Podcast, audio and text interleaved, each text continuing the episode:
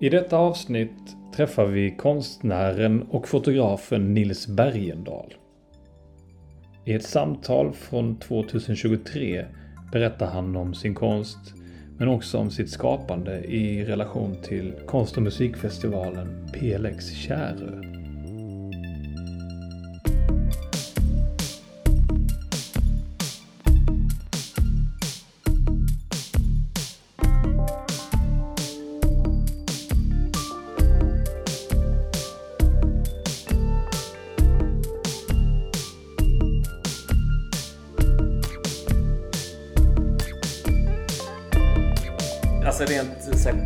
Konstnärligt, yrkesmässigt. Alltså jag jobbar som fotograf för största delen av mitt liv.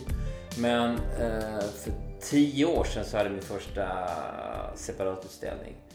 Eh, och man kan väl säga att som konstnär så är, så är jag liksom självlärd helt enkelt. Och det, det har ju sina, sina fördelar att vara självlärd. Man kan, man kan liksom, man behöver inte ha så man behöver inte liksom förhålla sig till konstvärlden och liksom förstå hur den är funtad. Man kan låta, lite grann låta nyfikenheten styra en steg. Eh, men i alla fall 2013 så hade jag min första utställning och fick väl lite grann en så här flygande start får man säga. Eh, och sen åren som följde så, så hade jag en hel del utställningar i, i konstens traditionella rum. Eh, men alltså det var väl jag kände mig inte helt bekväm där. Jag tyckte liksom i efterhand att det var en ganska så här oskön plats. Alltså gallerier, kulturhus, eh, alltså vita rum med ljusrör på något sätt. Eh, Det var för fyrkantigt eller för eh, styrt? det är styrt helt enkelt. Eh, och det på något sätt kanske också eh, märktes på, på, på, på lekfullheten. Det, det gick ut över det på något sätt tyckte jag. Men så hamnade jag på PLX då som besökare första gången 2018. Och eh, ja, det var så här, wow, vilken, eh, vilken skön förening av musik, eh, konst, eh, vacker natur. Eh, det var liksom bara ett sammanhang som kändes, fan det här, det här är ju det här är idealt på något sätt. Eh, så året därpå, 2019 då, så hade jag möjlighet att, att då visa mitt första verk. Jag kontaktade en viss Anton Ingvarsson. eh, och, eh, så det var en videoinstallation som hette Seriösa försök. Eh, som bestod av sex stycken monitorer och uppställda i en kohage. Eh, och eh, eh, verket det är en tolkning av en aria av Bach då, som jag framför med hjälp av tungsmällar. Eh, du kommer ihåg det? Jag kommer ihåg det mycket väl. Det Alltså. var eh, fenomenalt. Fem av fem. Alltså, Finns den att se på eh, någon, Finns det något video? Är det, det, finns, det finns en dokumentation. Men jag får nog ändå säga att även om det finns en dokumentation så kanske verket på plats, alltså i den där kohagen eh, på den här ön, alltså det, det går inte riktigt att jämföra med Det går absolut inte att fånga den eh, magin i stunden på den platsen. är ju någonting väldigt speciellt. Men jag tänkte mer om man är nyfiken om det finns... Eh, Jo, nej, men det, det, man kan, man kan, om man söker på seriösa försök så tror jag att det dyker upp någonting på Vimeo. Mm. Eh, Men i korthet, alltså vad jag var intresserad av och liksom ville testa eller undersöka, det var väl det här att, att man kan ju ha någonting som är väldigt uh, välklingande inombords. Men när det sen kommer ut och ska på något sätt manifesteras i sinnevärlden så, så kan det låta ganska skevt och till och med torftig typ, på något sätt. Beroende på vad man har för instrument eller redskap till hands. Så i det här fallet så, så hade jag valt att framföra den här arian med, alltså med tungsmällar. Vilket har sin såklart begränsade, eh, liksom, eh, sina begränsade möjligheter. Så att, så att testet var väl lite grann om, om man överhuvudtaget kunde ge ett sånt här ikoniskt verk som den här arian någon slags rättvisa. Om den överhuvudtaget var igenkännbar. Eh, det var väl det jag ville liksom testa lite grann. Och det hade väl också att göra lite grann med att när jag växte upp, min pappa han, eh, han hummade liksom i princip dagligen. Och eh, jag tror att han hummade på någon typ av liksom självkomponerad komposition som hela tiden liksom blev allt mer utbroderad. Och det var ju, alltså han hummade så entusiastiskt så man förstod att han tyckte att det han hade inombords lät fantastiskt men det som kom ut var inte så... Det gav liksom ingen riktigt rättvisa åt den här eh, förlagan han hade i huvudet. Så, att, eh, så att lite grann fascination över ja, fulsång. Eller att, du vet, när man visslar någonting. Eller vad man, vad man än tar sig för så, så det här som, som blir lite skevt och inte riktigt motsvarar det man har. Mm. Den brokiga vägen mellan eh, idé och realisering. Mm. Eller... Precis. Så det blir ganska, ganska intressant för jag tror att, liksom, att, att eftersträva ett perfekt eh, resultat, det, ju, det blir ju ganska ointressant. Alltså en, en, en perfekt intonerad liksom, symfoniorkester är inte en symfoniorkester till exempel. Alltså, det, det, det måste skeva lite grann liksom. Så att eh, just det här, det, det lite falska skeva som, som, eh, som är liksom den mänskliga rösten eller det mänskliga framförandet. Det var liksom det som, som, som vi gillar på något sätt. Är det eh, specifikt koncentrerat kring det verket? Eh, eller är det något som du har liksom bredare med dig i ditt konstnärliga eh, utövande Ja, men- hela tiden? Ja, lite grann hela tiden. Det tror jag. Alltså just så här diskrepansen mellan någonting inombords och det som sen kommer ut. Eh, Det, det, det tycker jag det är väl lite återkommande. Hur som helst, eh, så det var ut, det här installationen i Kohagen. Sen året därpå så, eh, det var 2021.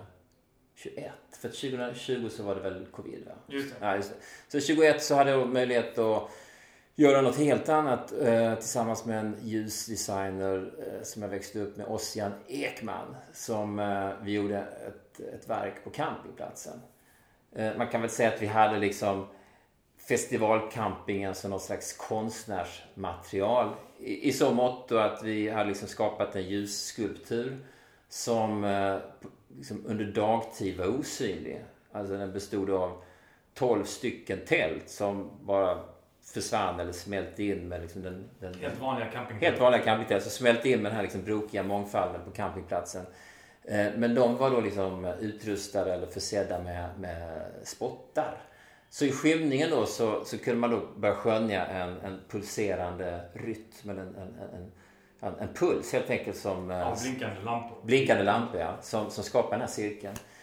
Så då liksom först i skymningen så framträdde ljusskulpturen och så blev det mer och mer framträdande ju, ju, eh, ju, ju mörkare det blev. Och sen i gryningen så försvann det. Så att eh, det som var liksom lite, lite ball där, det var liksom att, att, att folk verkligen bodde i en skulptur utan att de kanske alltid var medvetna om det så, så var de liksom ändå delaktiga i den här eh, eh ljusskulpturen.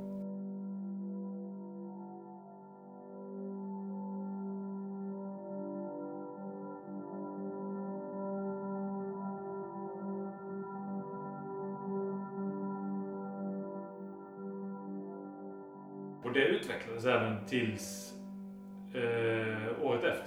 Ja, precis året efter. För att det, var, det där med att jobba i campingplatsen, det var ju det var, det var, det var gött helt enkelt. Att, att göra något som är helt integrerat i, i där folk faktiskt bor. Eh, så att året efter så, så gjorde jag ett nytt samarbete med Hans Appelqvist eh, som är artist, kompositör. Eh, och han eh, hade då komponerat ett, ett, ett körverk. Så vi hade spelat in alltså en dubbelkvartett, åtta röster. Och de här åtta rösterna, eh, vi stoppade alltså in högtalare i, återigen en cirkel.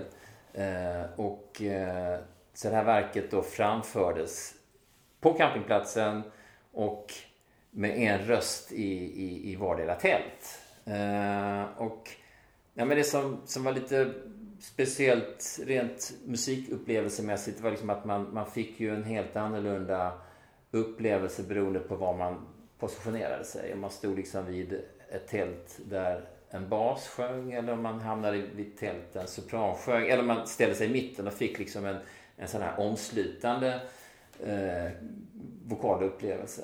Jag minns när jag gick förbi på eh, eh eh, grusvägen jämt också. För det, det var ju mycket tält runt omkring och en del folk som satt på campingen och ett klassiskt campingsår. Mm. Att jag gick förbi och tänkte vad gött, nu är det någon som sitter och sjunger nere på campingen. Nu sitter de och sjunger liksom. Så här, och då insåg jag, eftersom jag redan visste att konstverket skulle vara med. Men jag hade ändå, det var så snyggt integrerat så jag hade ändå liksom så här, lyckats glömma bort det. Bara, just det, det är det här konstverket som låter som om att det är folk som sitter på campingen och sjunger. Mm. Så det blev väldigt speciellt eh, integrerad stämning mellan konsten och besökarna. Mm. Att det smälte in på ett sätt som var, eh, jag tror många andra som var där också var lite mindblown. När de väl fick reda på det. Eller när det gick upp för dem att det är ett konstverk mitt här på campingen. Mm. Alltså, för de, när de väl upptäckte det. Liksom. Ja. Nej, men det, du vet när man liksom stod där på campingen och undersökte eller kollade hur folk upplevde så, så var det en, det var väldigt många som gick fram till ett tält, lyssnade, kliade sig i håret, gick till nästa tält och liksom bara skakade på huvudet som var liksom helt förundrade över att det låg folk i tälten och att de sjöng så synkront. Alltså, det, liksom var, det var någon slags uh, effekt som jag hade liksom inte riktigt eh, föreställt mig att, att man skulle kunna skapa den illusionen liksom, av att, att man verkligen upplevde att här sker någonting live. Det var ju förinspelat. Men, men det var liksom, uh, det var en bonus. Och det leder oss ju fram till årets upplaga. Precis, årets upplaga. Nej, men där hade jag liksom en, en annan idé egentligen eh, som jag inte behöver gå in på. Men, men sen några veckor innan PLX skulle gå av stapeln, då, någon gång i början på augusti, så var jag ute i skogen, hittade en jävligt knotig, ihålig stubbe som jag liksom fattade tycke för helt enkelt. Den var så enormt snygg. Så jag tog tag i den. I, i, i Skåne? På eller nej, i Blekinge. Fastlandet innanför Kärrö. Nej, men så jag tog tag i den och liksom bara kände att jag kan nog fan ta mig lyfta den här. För den var ihålig, men den var rejält tung ändå liksom. Så jag lyckades konka hem den. Och eh, bara bestämde mig för att det där får bli liksom någon slags utgångspunkt. Jag släpper liksom den gamla idén. Eh, och eh, ja, men så lite senare så var jag på Kärö och rekade så hittade jag åtta stubbar till. Eh, åtta björkstubbar. Det här är liksom åtta stubbar plus den här knotiga stubben. Liksom. Så man bestämmer, okej, vi, vi, för de två gångna festivalerna har liksom ändå jobbat kring den här cirkeln då som någon slags eh, urmodell. Så då bestämde jag okej, det kan bli en tredje cirkel här. Eh, och den ska låta, den ska liksom humma. Eh, Så att lite grann att det bygger, och det är lätt hänt att man vill liksom bygga vidare på gångna verk. Så att den bygger vidare på det föregående verket på campingplatsen. Just med inspelade röster som är lite så här skeva. Eh, Så att, eh, så blev det. Så de här stubbarna som står i ring eh, De är från PLX. Eller från, från Kärrö menar jag. är från Kärrö. Mm. Och de-. Och de sjunger också. De sjunger, precis ja.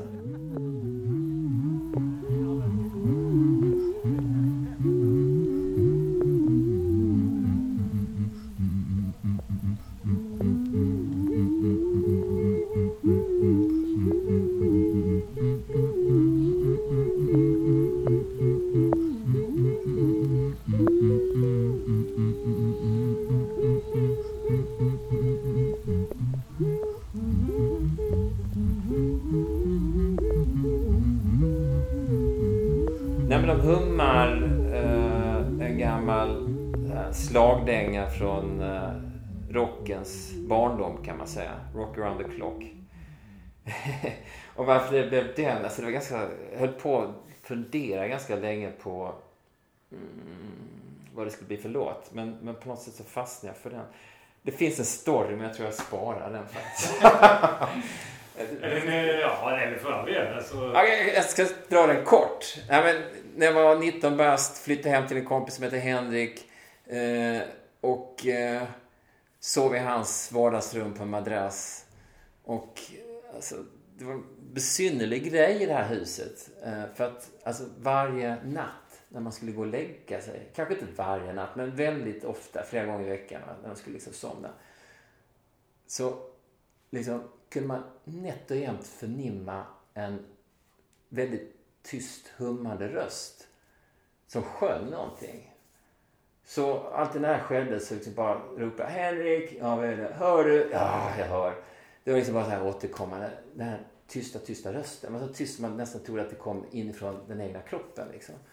Och vad den här rösten sjöng eller hummade, det var Rock around the clock. Så, så var det en granne eller var det ett spöke?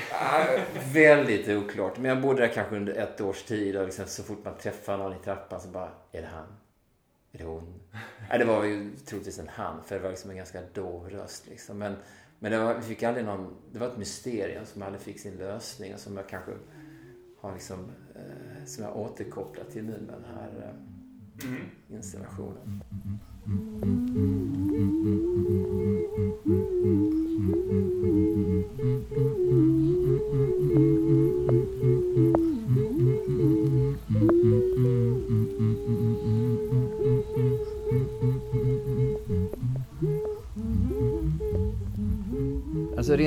Rent så, så har jag låtit sångarna lyssna på låten, den här gamla slagdängan i hörlurar och så har de fått sjunga till medan jag har spelat in. Och, och då, då händer det där, det där liksom lite magiska att, att, att, att man kan hamna i det där osensurerade tillståndet. Man blir den där hummande människan som, som lite grann glömmer bort sig själv. Så att resultatet är då kanske ett, ett ganska så här hängivet ett hängivet hummande som kanske inte alltid är sådär superperfekt pitchat. Så de här i alla fall, de här sex rösterna bildar då tillsammans en, en omslutande vokal installation.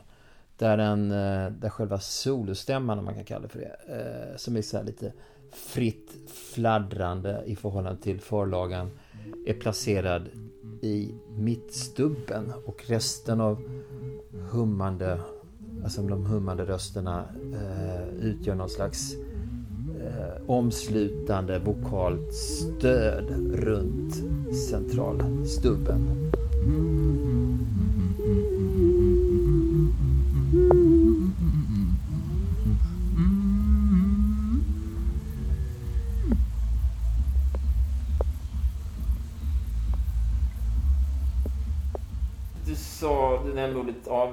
Avväpnande. Det, det var liksom någonting i en sån plats, ett sånt sammanhang. Eh, det är liksom kanske den sista helgen på sommaren. Folk svärmar, folk är glada.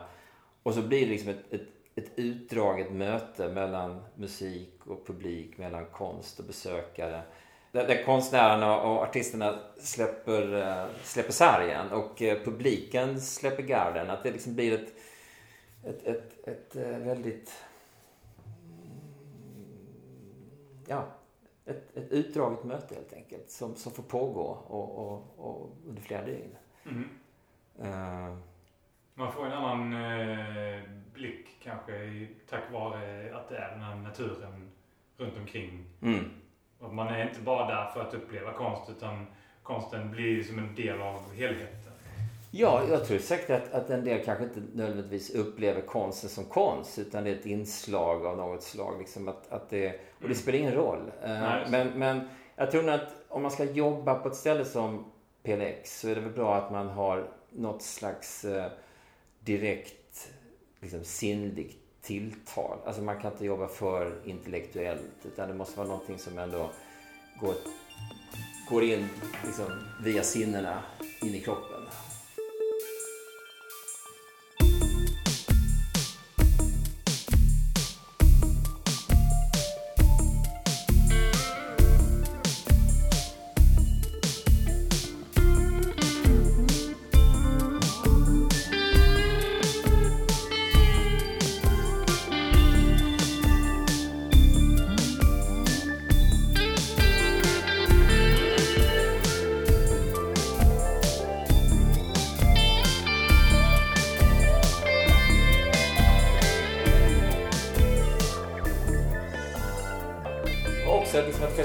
Sig själv är lite grann en antites till, till liksom den, den vanliga musikfestivalen vars liksom, existensberättigande kanske är en säljande line-up. Här, det här handlar mer om en, en kollektiv upplevelse i det lilla formatet eh, där eh, där man kanske inte söker sig till festivalen för att man ska se någon speciell artist utan det är, det är liksom en helhetsupplevelse som, Mm. som man vill vara delaktig i. Mm. Det tror jag är en viktig aspekt. Eh, Sen också att det är en så jäkla vacker festival. Alltså då, då tänker jag på vacker i den bemärkelsen att naturen är vacker. Eh, och sen frånvaron av allt det där som är ganska fult. Kravallstaket och, och, och eh, avspärrningar och bajamajor. Allt det där som, som hör till en, en, en traditionell musikfestival. Det, det, det, finns ju inte riktigt på PDX. Eh, och att det är så mycket specialbyggen. Att det är så mycket eh, enorma uppoffringar och, och omsorg och, och kärleksfullt snickeri. Och det, är liksom, det, det, är en sån enorm kollektiv satsning för några liksom, dygn i slutet på augusti. Eh, som att, att, bara få ingå i det här, i den rörelsen. Det om man är, är där som besökare eller som, som deltagare på något sätt. Jag tror att alla känner att det här är ett, eh, ett fantastiskt, eh, en fantastisk plats och ett, ett tillstånd man, man, man vill vistas i.